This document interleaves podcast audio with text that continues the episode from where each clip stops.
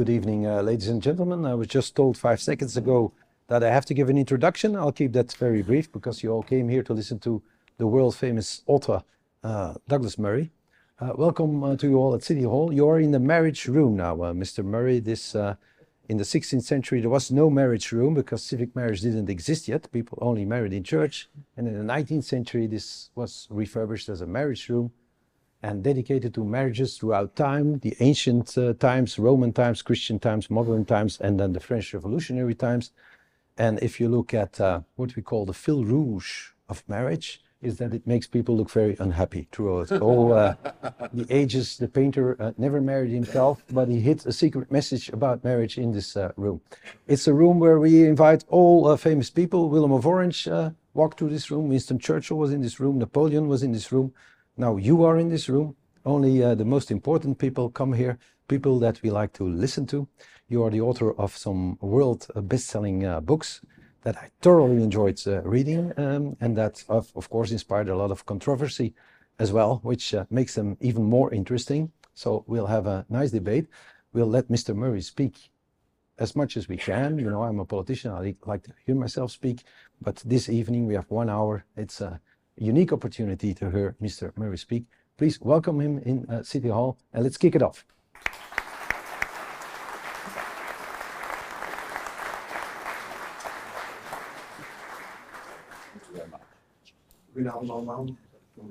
Good evening, um, Mr. Murray. Do you, do you like the, the French edition? I do. I just saw it Is for the first time. First time you saw it? Yes. Yes. But the first ask you, um, in English, it's the war in the West. Yeah. You know what the arm for? What was Western means? Yeah. It's more like an attack. Is it just, uh, does that difference stand for anything? Uh, you, You have to, you have to, No, yeah. oh, does that does, does this work? it doesn't, I uh, don't know if that works. I think I have to record it, So I think I have to. I think I'll just do it. I think that the uh, the distinction may be without difference. I don't know. Um, all translations of my books uh, have slight variations. I know when I wrote my book on migration, Strange Death of Europe, it came out in France as uh, Le Suicide Européen, which was um, slightly stronger than the English one. Mm. I have no say on translation. Yeah. Is it, does that have anything to do with the fact that in America and Great Britain, where you come from, it's more war than it is, for example, in Belgium and the Netherlands? Well, that's quite possible. I mean, um, you will know the situation in uh, Belgium and the Netherlands much better than I do. Um, but essentially, what I describe in the book is being what I regard as being a, an all-out conflict on all of the sources of Western civilization. Lest anyone think that I'm overstating it, I really do give chapter and verse in this book. I think it's a movement that started in recent decades, but it's sped up exponentially in recent years. And when I say a war on everything, again, I'm not overstating it. Um, a war on, particularly in America, it has to be said, in the, in the English-speaking democracies, it's worse, in my view. But it's a war on everything to do with the foundations. So, um, in Britain, uh, the, the people who are most attacked are the people who we most revere. Uh, the mayor mentioned Winston Churchill. If you were trying to persuade people in Britain to come onto your movement, you would think that attacking the most famous and revered hero of Britain would be unwise. But this movement doesn't think that at all. It goes straight for Churchill. Same thing in America. You would think if you wanted to get people on your side with a political movement or a political project, you would not attack the founding fathers. Yet it is Thomas Jefferson, George Washington, and the rest who are all being daily attacked in the United States. And what I stress about this is don't mistake this as simple historical revision uh, or historical um, to and fro. I am all for that. I welcome it. Uh, I think that we always reapproach the past and through different lenses. We reinterpret it and we look at it anew, and that's as it should be. But looking at our past through solely hostile lenses is a very peculiar thing to do. I actually know of no other society that's engaged in this form of self-flagellation. Uh, again, it's different from self-criticism. Self-criticism in any liberal democracy is absolutely vital. We should be self-critical. but so self-critical that you say there's nothing good about yourself. Now, maybe I overstate that in Belgium. Maybe in Belgium you still have things you could hear around, and I see the mayor shaking his head, and I think that no, I was doing that just a couple of seconds ago as well. um, um, a lot can be said without a microphone. um, but maybe, maybe it's, it's, it's better here, but I can assure you that in, Amer- in America, where I live, uh, it, it, this is uh, uh, nothing is good in the past. The country shouldn't have been found. Christopher Columbus shouldn't have set out, or he should have set out and once he found America, should have gone back to Spain and Portugal and said, I didn't find it. or there's a large amount of land, but it has no potential. Um, once you decide, for instance, that your society has an original sin, which is now accepted by sort of left and right in America, everyone says, well, the original sin of slavery. And I always say, well, what's the original sin of other countries? Does everyone have one, or is it just you? What's the original sin of Uganda, for instance? Or are they Edenic in some way? And when I state it like that, the point I'm trying to come across, bring across is it is a war on the foundations, and the people waging it have chosen their targets well because they've gone right for the root of the building. The very thing that society was proud of, the things that people used to cohere around. They're the targets. It's not fringe bits and pieces around the edges, it's the absolute center of the being of a society like America or Britain, and possibly Belgium. I'll, I'll, I'm going to ask the same question to the mayor because I saw him nodding his head uh, in the first uh, In, ap- in approval. couple of, couple of weeks. yes. Mm. But the difference, Mr. Mayor, um, between a war and an attack, I was thinking, is it possible that it's worse in America? Because you have read the book, I think last year, it was your favorite book in the, from 2022. I've read it this week, um, and I, I was asking myself, is it worse in America and in Great Britain than it is here with us? But you say no. Well, I think that's funny because Mr. Murray came into my office. We had a coffee, and the first thing he asked me, "Is it just as bad here?" Because I think in English-speaking countries, it it probably worse. And I had to contradict you. Uh, it's come, it came over the ocean quite rapidly. Uh, we are copying uh, the attack on Western society in uh, Flanders as well. And one of the theses that I defend in a modest book that I showed you is that it's actually n- nowhere worse than here. Flemish identi- identity, the attacking of our of our past, it's an obsession. We had a television show, popular television show that aired, the story of Flanders, where in a popular way historians told the narrative of all things that happened here. The uh, reaction of the intellectual elite, the academic academic scholars, uh, historians, was furious. They called this North Korean propaganda television. It was an outrage the idea of telling people their history in a way that it is a story that they can comprehend, that does not deconstruct things or destruct things, but simply tells a story that might provide a sense of community, maybe even a sense of pride, is an absolute outrage. wasn't that a small group of academics? Oh, but but but this is fueled by a very very small portion of the population. But they are, of course, uh, very present in the humanities of our universities. They're very present in the redaction in the uh, redaction floors of our main uh, quality media, who are present here uh, today, uh, and they're certainly omnipresent in what we call culture makers. Uh, there are people who think differently, but they're wise and they shut up. Because speaking out against this uh, way of thinking is very dangerous, because you will get cancelled. And canceling is um, something very, very, uh, if that happens to you, it crushes you. And so people are um, either, if I have a sympathizer in the cultural world, they exist, they exist. Very often they articulate their sympathy when I go to the toilet. They follow me in the corridor, not in the toilet, but they follow me in the corridor and then they tap me on the shoulder and say, I'm all for you, I'm all for you, in a whisper. But they wouldn't dare to repeat that if the colleagues in the cultural world would hear it. uh, I, whenever anyone does that to me, the, as it were, tap on the shoulder and the whisper, I agree with you, I just can't say it. I always say, ah, I see, you're a coward. I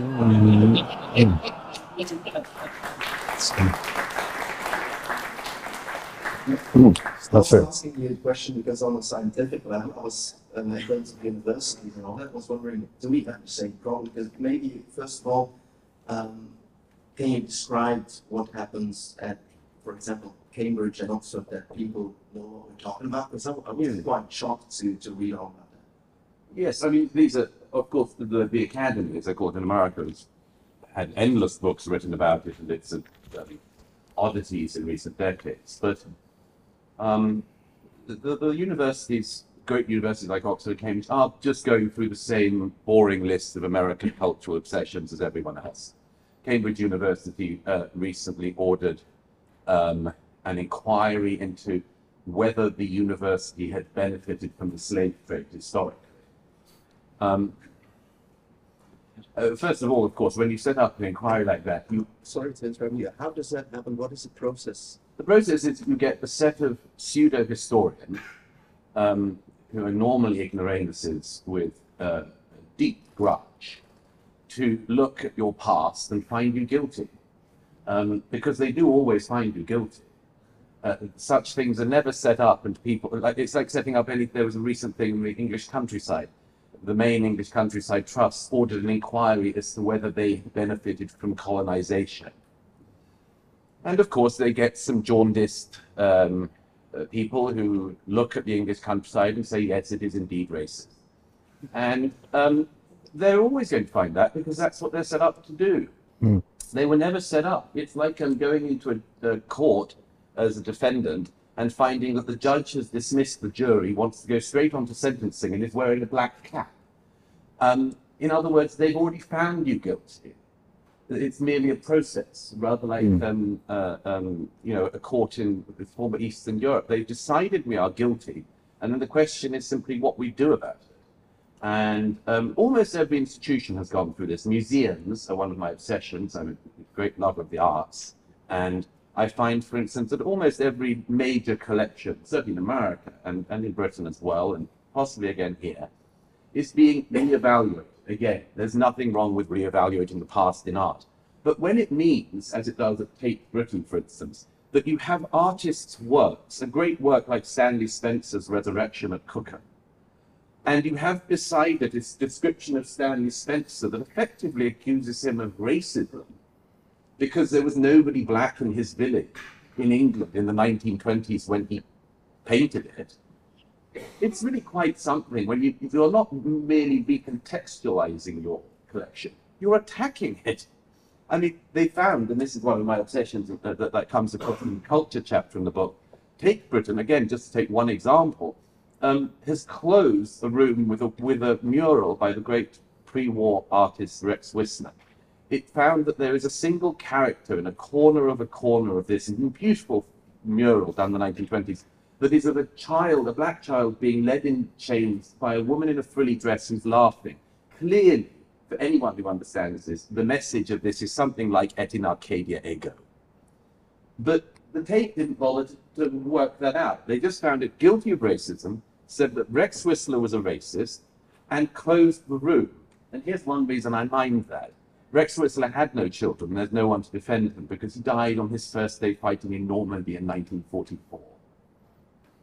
How dare these people stand in such judgment on everything in the past? They're not qualified to do it. And yet, in institution after institution, it's what they're doing. Well, uh, if I can go back to the universities, like for us, Oxford, Cambridge, big, big, big names in the world. What happens if very intelligent people start like spreading fake news? That is, that, that is what you are describing, Yes. isn't it? Well, yes, it is. I mean, for instance, uh, there was a there's a course. I was at Oxford myself some years ago, and in actual fact, I was saying to the mayor, it was the last time I was here in this very hall about 20 years ago at my college. Um, at, Oxford, a, a very very serious uh, um, ethicist called Professor Nigel Biggar, is Regius Professor of Ethics at Oxford University. That's quite a good title to hold. You know, this is somebody you should listen to. Um, the Regius Professor of Ethics decided after a discussion of colonialism in the last decade got very, very out of hand, said we should at Oxford University set up a course to study the ethics of empire. That was all. To study the ethics of empire. We've got to work out what this was. We're clearly in the middle of some kind of reapproach to it, but what, what, how do we do it? We can't simply allow the voices who say there's no difference between, for instance, colonialism and Nazism. You just keep getting away with that because that won't do. And nor would it do if somebody came along and said everything about colonialism was wonderful. Why don't we do it again? Of course not. But there's somewhere in the middle you've got to explore, surely. If you would really want to get to some kind of reckoning with our past, a truthful reckoning rather than a hostile reckoning. And yet, for suggesting that this should be done, Professor Nigel Biggar was defamed, among other things, by fellow colleagues as a racist and as being pro empire. He uh, had uh, um, endless attempts to cancel him from his job. Fortunately, he's at the end of his career and didn't really care very much, which is um, something which I wish more people felt. Um, but as I said at the time, defending him, if you if if you're going to weigh up a complex issue like the ethics of empire, were there any good things? What were the bad things? Where did it go wrong? Where might there have been things that were right? Or just to say it happened, like all of history, it happened. If you can't have that discussion at Oxford University, where do you want it to happen? And the truth is that the people saying we don't want it there don't want it anywhere because, like the 1619 project, I'll just very quickly explain what that is. The New York Times a few years ago launched a project called 1619 Project that claims that America was founded in 1619. The stated aim of the 1619 Project is itself is simply to shift the founding date of America to the date that the first slaves were brought onto the continent by the Europeans. But that is all it is for. Hmm. And very quickly, if I may make this point, the reason that they have that they have run so far so fast with this is that they make assertions that are provably wrong about the American past, but refuse to debate them.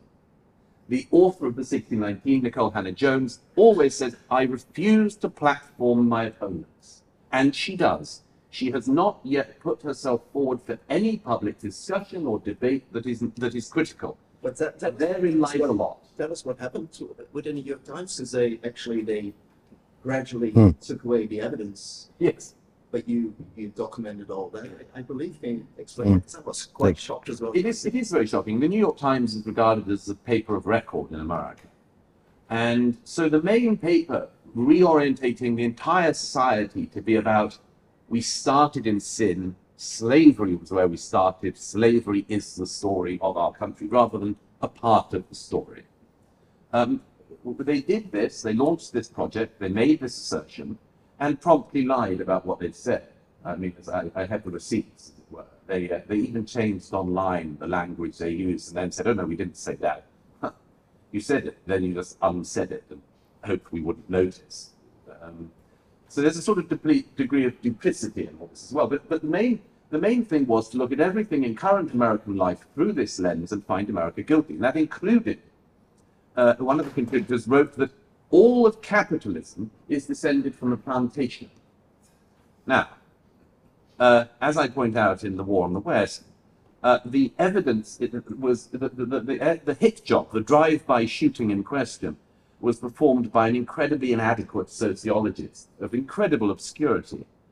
Um, his evidence was, among other things, that double bookkeeping, the two-column bookkeeping, was used on plantations, and he says in his in his hit job on capitalism, every day that an, an American sits down at their desk and uses Word or any um, program on their computer, they are knowingly or otherwise engaging in a system descended from uh, slavery. Now, sometimes you have to wonder where to start with something this stupid. But let me give it a go. One thing he says is that, well, one thing he doesn't know is that bookkeeping was used in ancient Mesopotamia, among other places. Um, this is not something that was invented on the plantation. Um, secondly, he says that the accurate recording of facts is what these two things have in common. Well, there might be a reason why any system that is accurate might survive longer and better than a system that is not accurate. Um, and you don't need to bring slavery into it. It simply has nothing to do with it. The aim is there, as in most of the other things I'm trying to describe in this book, a simple attempt to say, we've found the source of guilt, and we have to tie everything in the society to it. I think it's an insane project of self destruction, but I'm amazed that it's been allowed such a clean run because its claims are, as I demonstrate, I hope, so evidently uh, faulty. Uh, But I, I, I still have the question, what is, or what could be a motivation as well as for Oxford Cambridge or an institute, a major institute, uh, as the New York Times considered it a lot as that? You say it's an, it's an intention, Hmm. and it's intended to formalize the idea, that's writing, intended to formalize the idea that the US was founded uh, original sin. That intention, Hmm. where do you get that from? Well, the first thing is that it's completely clear from, from the various people I quote that um, they are engaged not in a process of reevaluation, but an act of revenge. Um, I quote at one point uh, a brilliant insight from Nietzsche from the genealogy of morals. He talks, he said, people who talk of justice that mean revenge. Um, it's an incredibly pertinent insight for our age. There are a lot of people talking about justice who mean revenge. One of the most influential writers in modern America, um, known by the name Ibram X. Kendi, has written um, multiple attacks on America, in whi- and one of which he, he says the answer to past discrimination is present discrimination. The answer to past discrimination is future discrimination. He makes it perfectly clear. He says people were prejudiced against in the past, and as a result, we must be prejudiced in the present. What does he mean by that? It's actually, at this stage, really very, very sinister. Because at this stage in a country like America, when the when this issue comes up, it always gets on the issue of reparations. Reparations is, of course, the idea that you can pay certain communities to alleviate or somehow make up for historical sins suffered by their ancestors. And in America, this obviously means uh, payment from uh, Americans to Black Americans, and if they're descended from slaves, it's an it's an insane idea because you simply couldn't do it. I mean, you you'd have to work out the precise DNA of every American, and among other things, work out with every person, particularly people who are Black Americans, whether they are actually descended from slaves or whether, as in most of their cases, they're descended both from slaves and slavers. Um, that would be a problem. What do they do? Do they get 50% discount? Um, and uh, but this this idea always follows on. And what's so sinister about it is what you're really talking about is group punishment. And I don't like that for any group. I don't hmm. think that it's appropriate. I, I think that something that that did that to black Americans would be wicked, and I think if we did it to other Americans, it would be wicked. But it's an obvious intention to divide. And the reason I say that very quickly is because, apart from anything else, the reparations debate is now in America not even about transfer of money from white Americans to black Americans. It's about the transfer, and nor is it the transfer of money from descendants who, of people who did something bad to descendants of people who were wronged. It's the transfer of money from people who look like people who did something bad to people who look like people who suffered. That is, I should be to say it, an impossible task. And yet, in California, the mayor ordered an inquiry into this, and the inquiry came back once again, you'll be surprised to hear, with the confirmation that America and California had indeed benefited from slavery, and that therefore every black uh, American in California should be given, I think, one point it was something like $10.4 million. Um, and even the, the, the, the governor of California sort of realized, ah, this might not work. Um, as the great uh, American comedian Dave Chappelle said, um, the great black American comedian, he said, if, if we do get reparations like that, buy shares in Nike. So, should there be another way to pay off any debts, or are you saying there is no debt left? Well, let me put it this way when it comes to my own country of birth, Great Britain, Hmm. if um, there is a debt to be paid from what we benefited from in the slave trade or colonialism. I like. Is there according to you? Well, I don't believe in this idea. I don't believe in this concept of moral debt. I think it is, apart from anything else, an entirely anti-Christian idea. Uh, in the Christian ethos, we had the idea that the sins of the father were not placed on the shoulders of the son.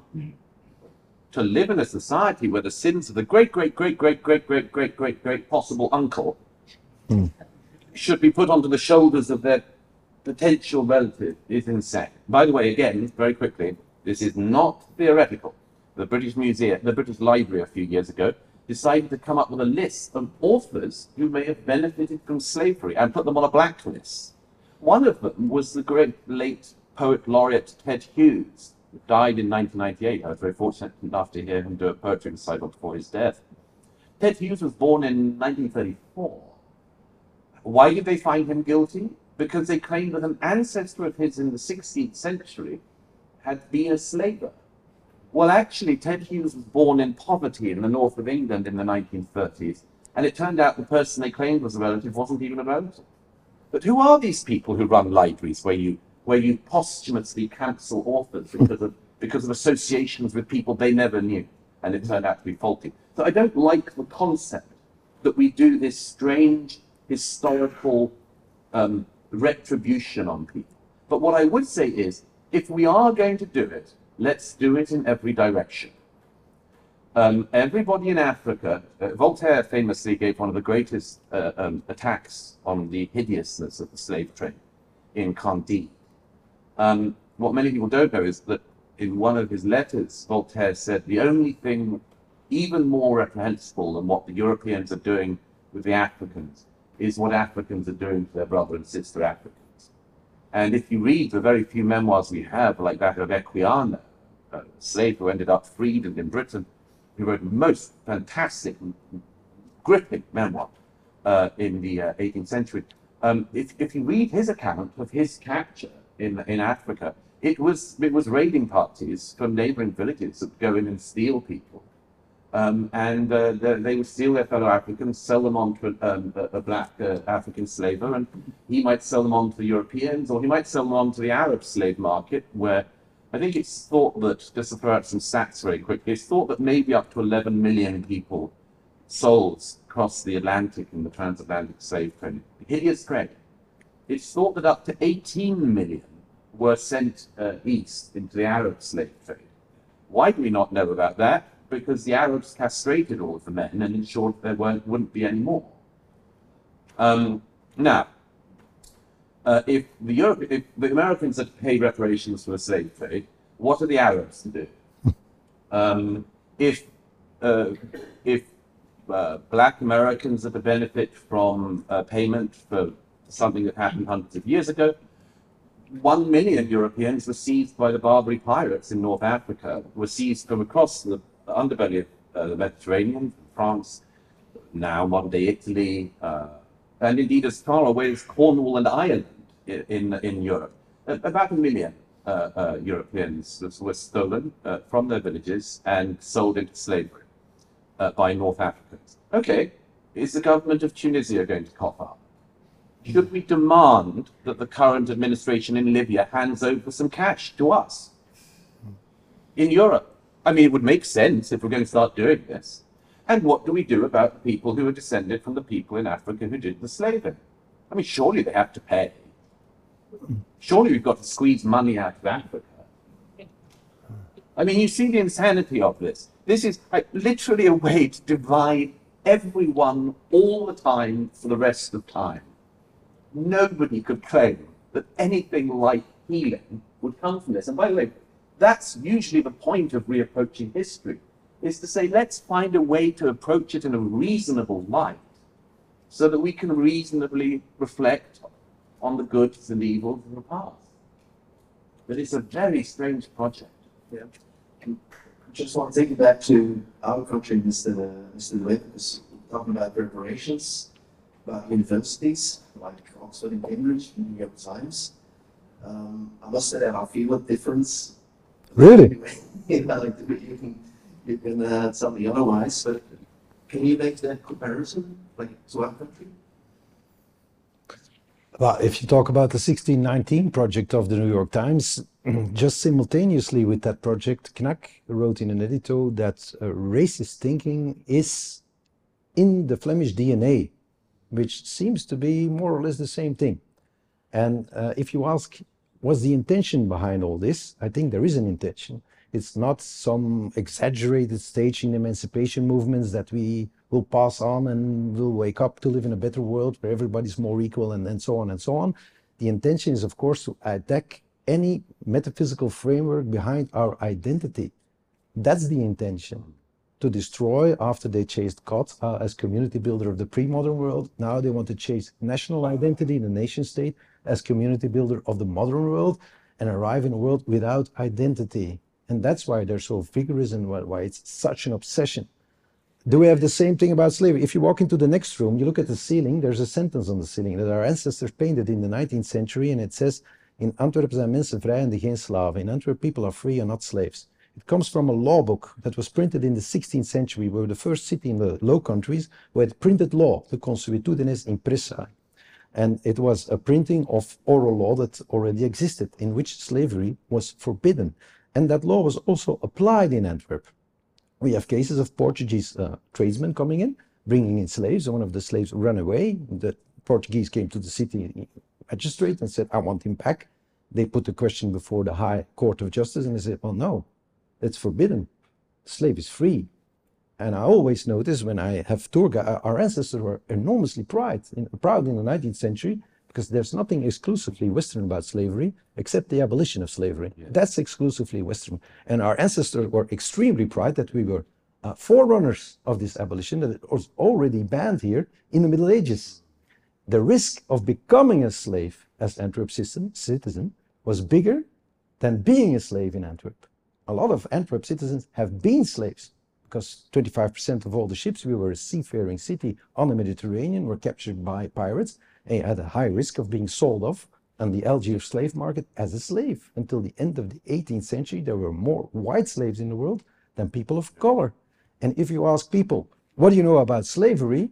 They say, oh, we put people on boats transatlantic. It's all our fault. We're the only ones who did it. No, we're not the only ones who did it. Was it bad? Yes, it was bad. Was it terrible? Yes, it was terrible. But it's quite an evident truth to discover that in the past, our ancestors were less nice. Less nice to poor people, people with other sexual orientation, less nice to women, less nice to people of color. But that's true for the entire humanity, not just for us saying that the only thing that you can derive from history is a sense of shame and that you should apologize for 3,000 years, for the 3,000 years of history. Uh, like Mr. Infantino, the, are you a soccer fan, Mr. Murray? Probably not. You're a cultivated man, so probably not. I can, I, I, no, no, I can fake it.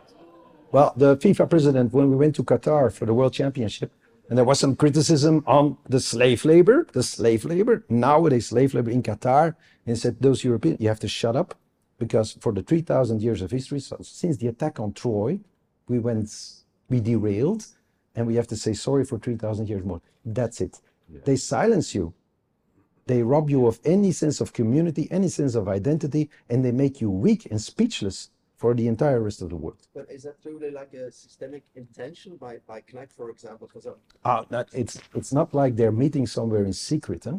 but uh, post postmodern thinking, it, it, it? it of course there's something bigger behind it. It was not illogical after not illogical after the Second World War that uh, Foucault would proclaim man to be dead. After Nietzsche proclaimed God to be dead, Foucault said man is dead as well because without God we didn't do much better. We had uh, concentration camps, we had the Gulag. So the ideologies that clinged to nation states like Nazism led us to terrible places. So Foucault said, we have to attack any metaphysical framework that creates community because at the end of the day, it's just a question of power. The power of white heterosexual men who have the power, who construct identity just to exclude other people and at the end of the day, massacre them.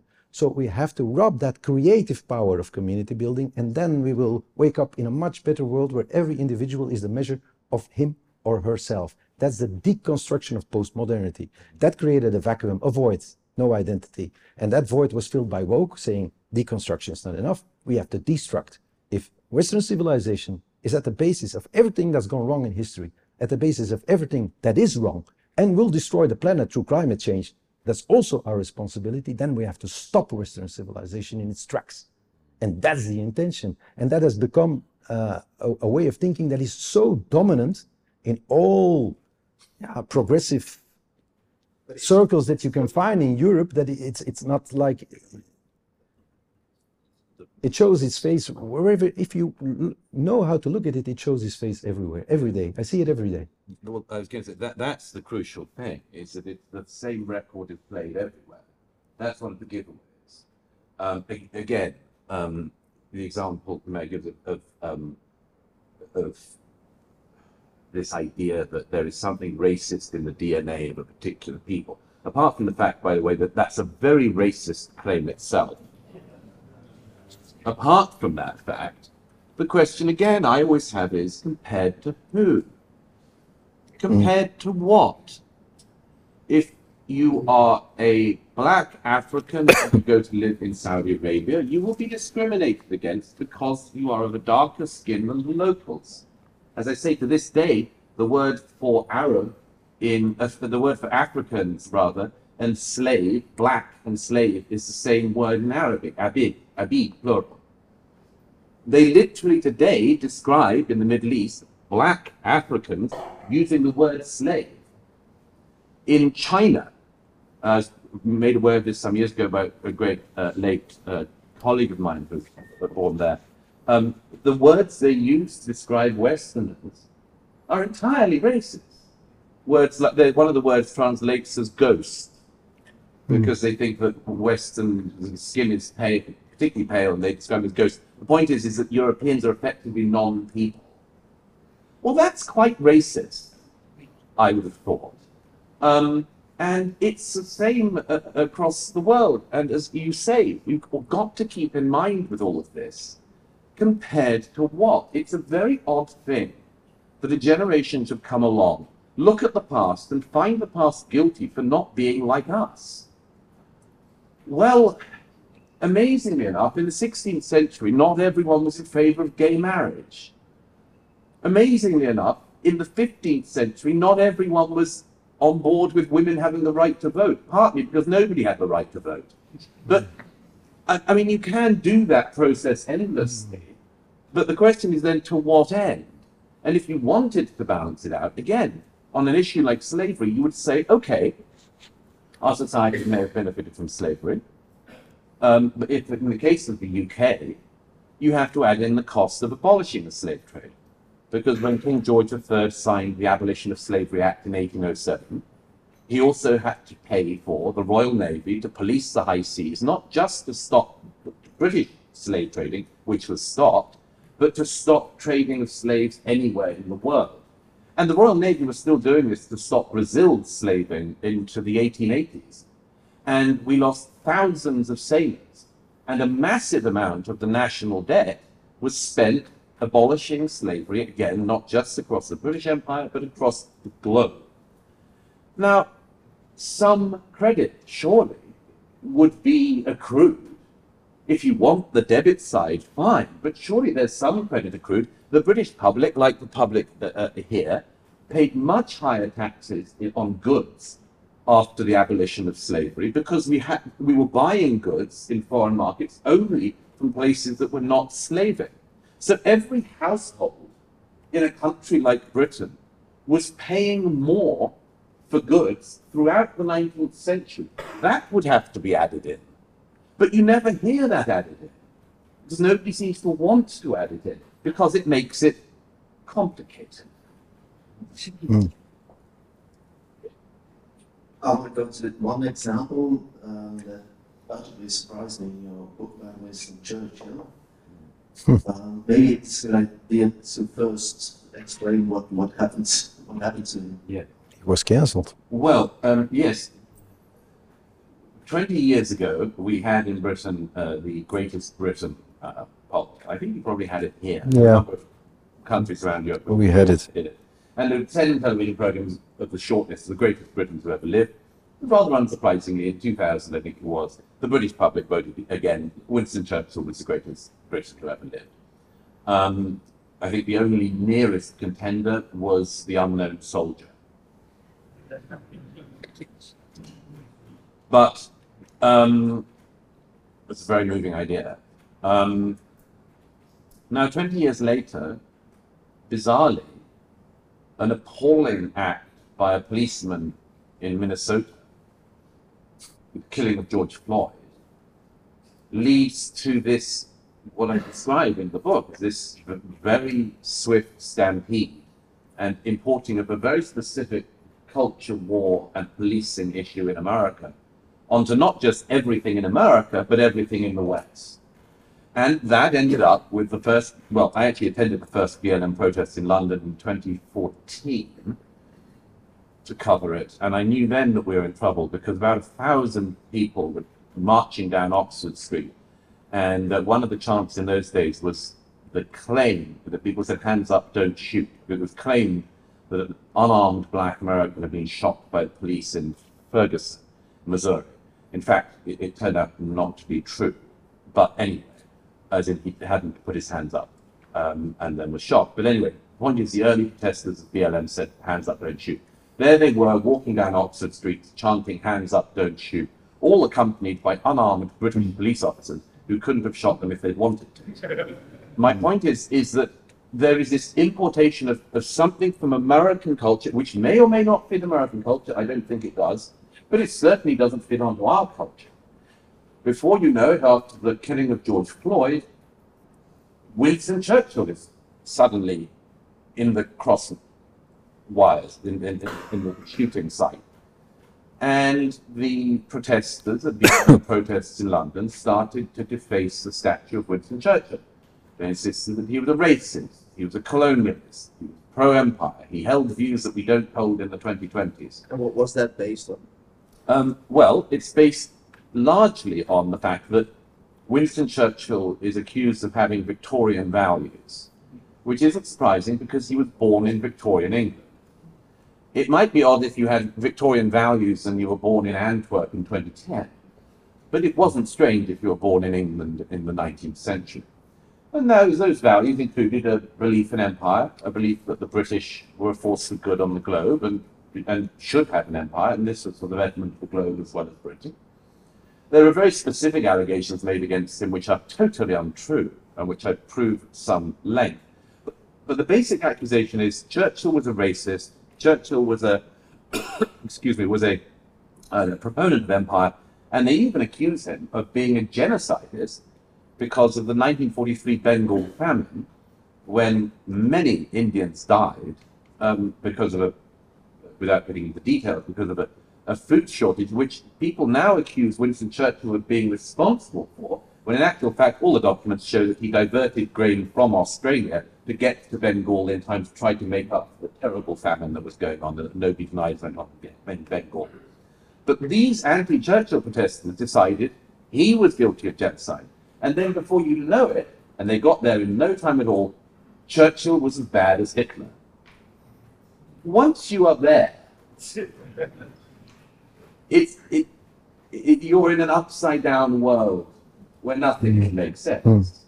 But my point is again is why would you choose this figure of all figures to attack? And the answer seems to me to be because these cultural revolutionaries wish to attack our holiest places. Of course. And like all um, people who desecrate shrines in history, they want to find the places that are most holy. That's why they go for Thomas Jefferson and get Thomas Jefferson's statue removed from City Hall in New York and other places. That's why even the Cenotaph the dead of the two world wars in Whitehall was attacked by the BLM protesters. And when the next day some members of the household cavalry, on their own time, young men and women, all sorts of backgrounds, turned up and cleaned the cenotaph of the graffiti on their own time, some of the BLM protesters shouted at them abuse for doing this and said, You and your precious monuments. And as I say in the book, but yes, we do have precious monuments. We do have holy places. And we have the right to believe in them, to hold dear to them, to find succor and relief from them, and not to have them assailed by people wholly unworthy of them. I think every society has that right, and I think we do too. Mayor? Well, when you uh, talk about the BLM protests in America after the terrible thing that happened to George Floyd, they kind of flew over the ocean, and we saw them here as well. And I thought that was very strange because it was the first time that I saw the anger of people that had never been slaves against people that never had slaves. People that even can faintly claim to be the offspring of slaves in Europe. People who came in very recent immigrant movements from the 1950s, 1960s were in the street in anger against a society that accepted them, hmm. that had the openness to accept immigrants and gives them more chances than whatever society you can imagine on the world. They were angry at us. And there, of course, you see the other side of the, of the medal. If you destroy your own identity, if you have an obsession with proving that you are a very bad person, that your ancestors were very bad persons, then there must be victims of your identity. And those victims, if you treat them as victims, they will start to behave like victims. And then you are on a very slippery slope towards what I call the worst form of racism you can have. Because before you know it, you have people saying, well, learning Dutch in Flanders, well, that's racist. Why would you ask people to learn Dutch? Uh, learn to write and read correctly.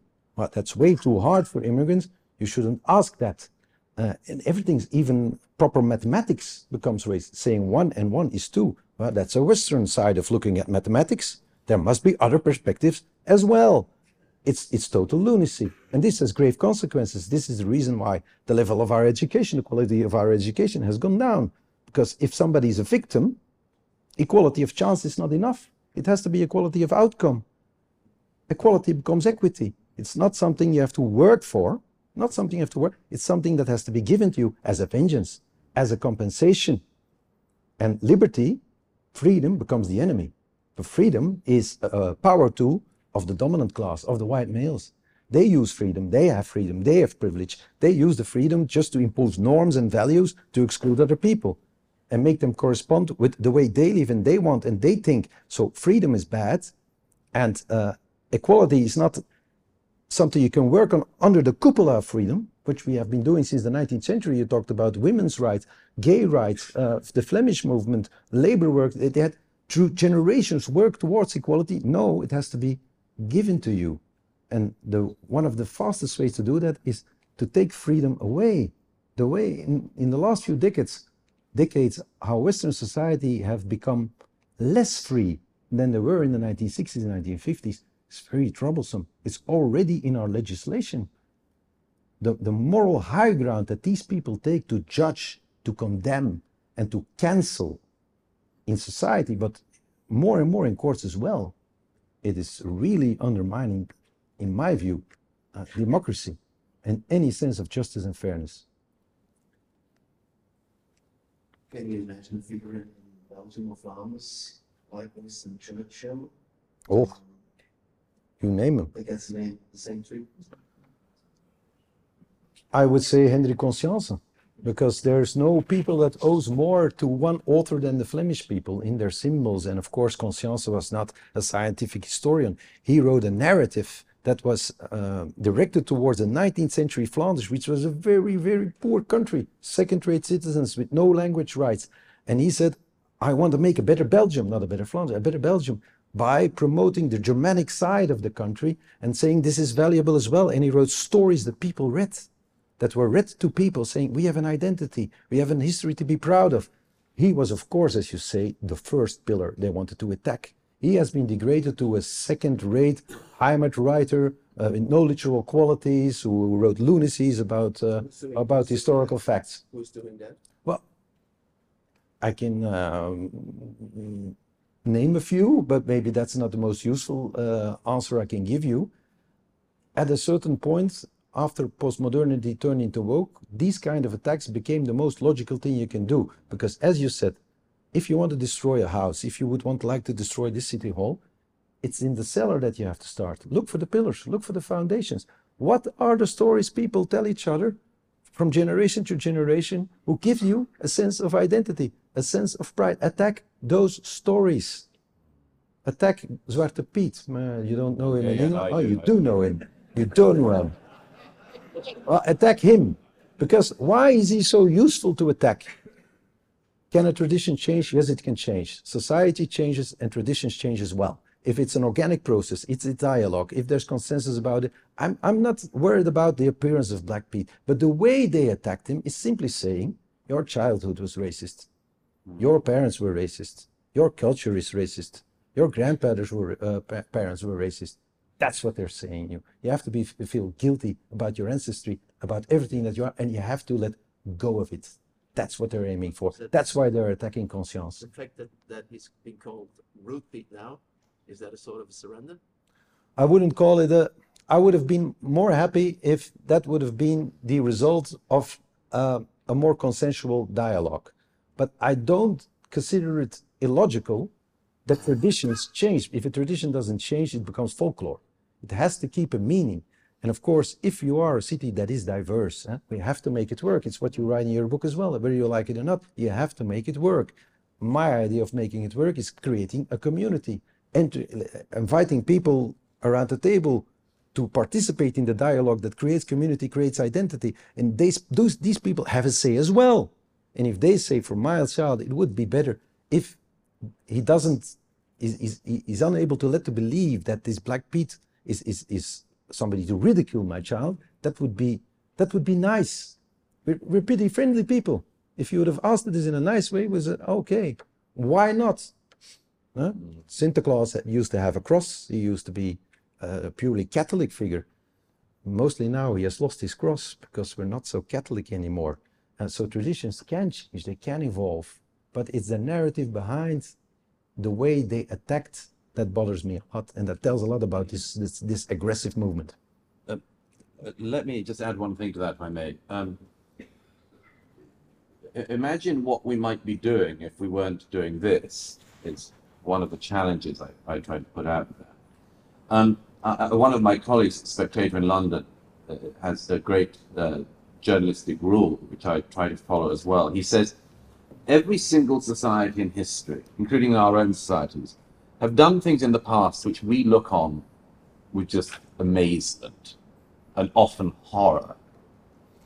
Um, in Britain, an average, an average uh, child in the north where there were mines would be sent into the mines at 10 years old. The average life expectancy in those communities for a man was 28. Um, was that person very free? Were they in control of their lives? They weren't formally enslaved, no. They didn't have it easy. But let's just let me just return to this issue. Every society does things which we look back on with horror. Why don't we assume that we are not superior to everybody born before us? And it is likely we are doing things now that our successors will look on with equal awe and horror. And my colleague's suggestion is try to work out what they are now and try to stop them preemptively. Let me give you one example. There are more slaves in the world today than there were at the height of the transatlantic slave trade. I've met slaves in my travels in Africa and the Middle East.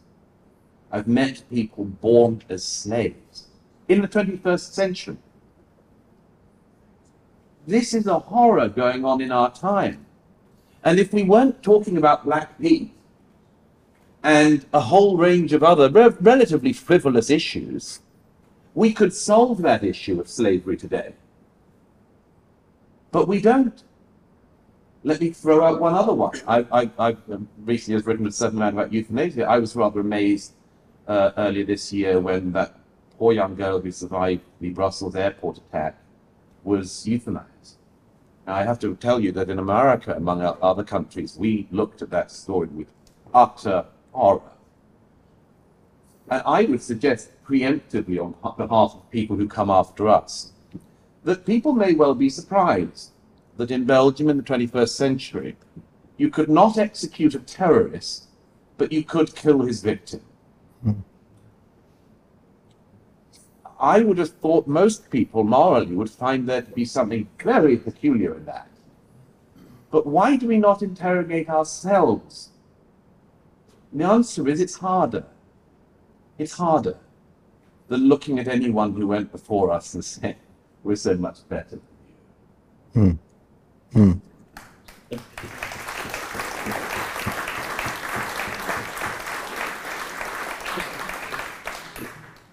Maybe just um, go to the end of your book, because we would like to know how to solve all this.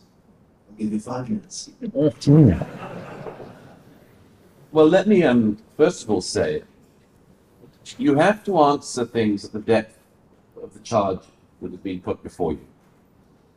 I tell a story, that's familiar to anyone in politics, but uh, I was some time ago at a uh, private event, uh, now made unprivate, but anyway, uh, in which a minister in Britain was asked about house building and the fact that young people can't get on the housing ladder in the UK. And he answered by talking about incredibly specific issues of planning regulation. And I said to his advisor afterwards, you know what? That's such a mistake because people who can't get on the housing ladder or can't own are likely to become uh, resentful. And resentment cannot be answered by simple tweaking of planning laws. You also have to have a serious answer to a serious thing. Now, our era is filled with resentment. And the problem with resentment is, again, it makes you effectively a victim. You can blame anyone for whatever doesn't go right in your life. And as everybody here knows, we all live lives in which something goes wrong. I mean, our whole lives end in a thing that goes quite wrong. Um, we could be enormously resentful about that and about everything. But I say that we have to answer charges of resentment, which is what underlies all of the things we've been talking about this evening. We have to answer it with something of equal profundity. And the thing that can answer resentment is only one thing, and that's gratitude. It's gratitude. Now, this is an extremely hard thing to feel for some people. Um, Nietzsche, I referred to earlier, says that the person of resentment has one particular problem in their life, which is that really somebody needs to at some point stand over their life and say, You are right. Somebody has destroyed your life. Somebody has held you back. The person is you.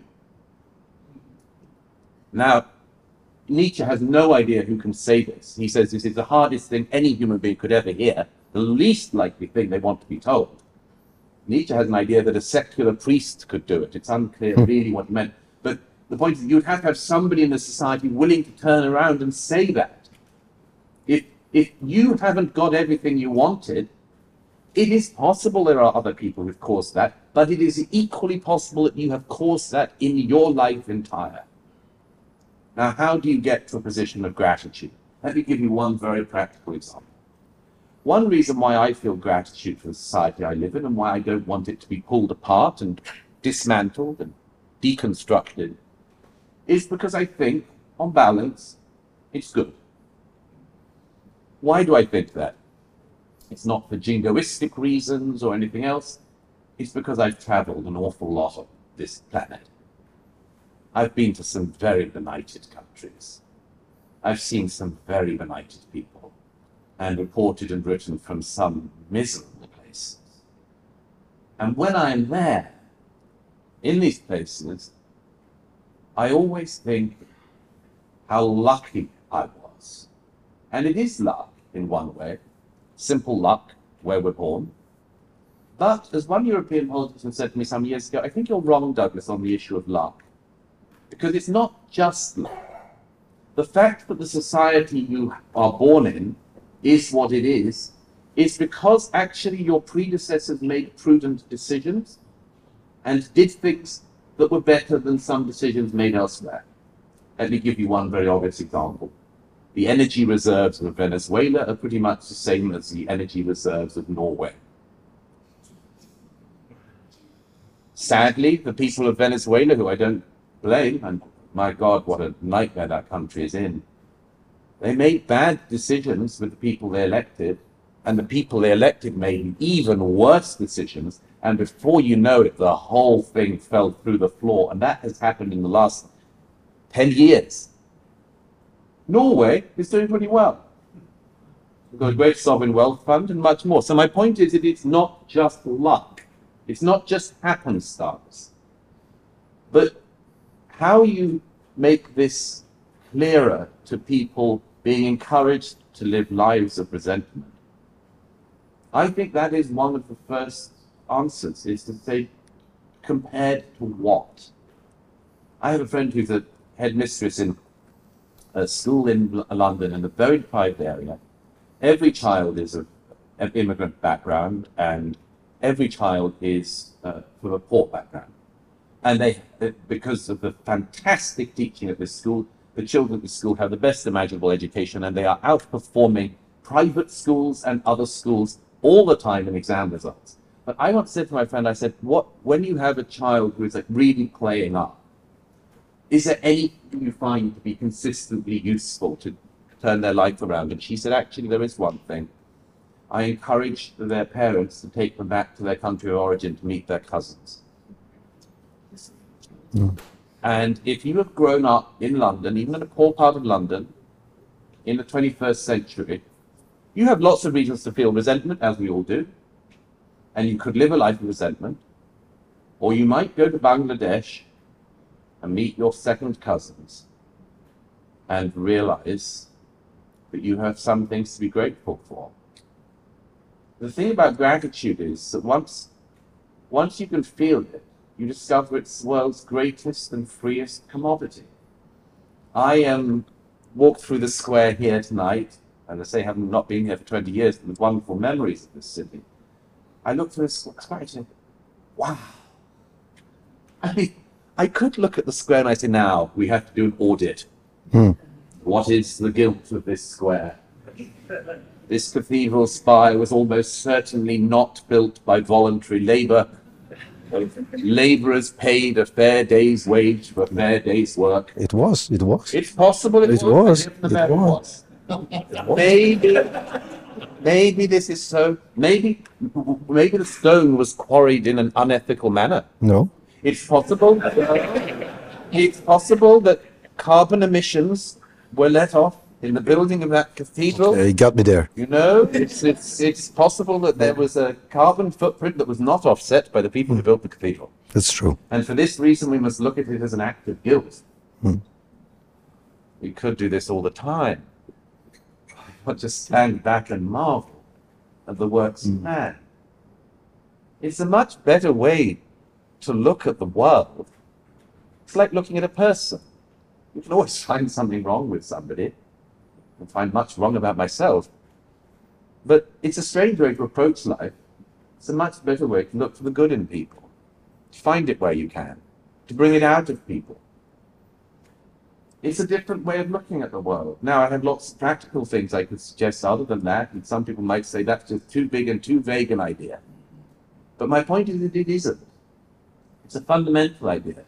The era of deconstruction should, in my mind, be replaced by an era of construction again. Instead of tearing down the past, we should be making the present. Instead of attacking everything in our history, we should be making history. We should not be telling young people that they are born into this oppression and this guilt and much more. We should be saying, you are born with the greatest lottery ticket you could have had. Not just in global terms, but in historical terms. Take the ticket and run with it as far and as fast as you can and make something of your life. That would be an idea.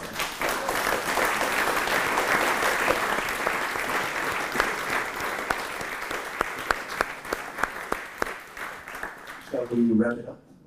How can you say something sensible after that? So, I. Ladies and gentlemen, thank you for joining us tonight. Thank you, Dr. Evert, and thank you for also listening. Thank you. Being here. Thank you for your brilliant. Brilliant. Thank you. Yeah. Very good.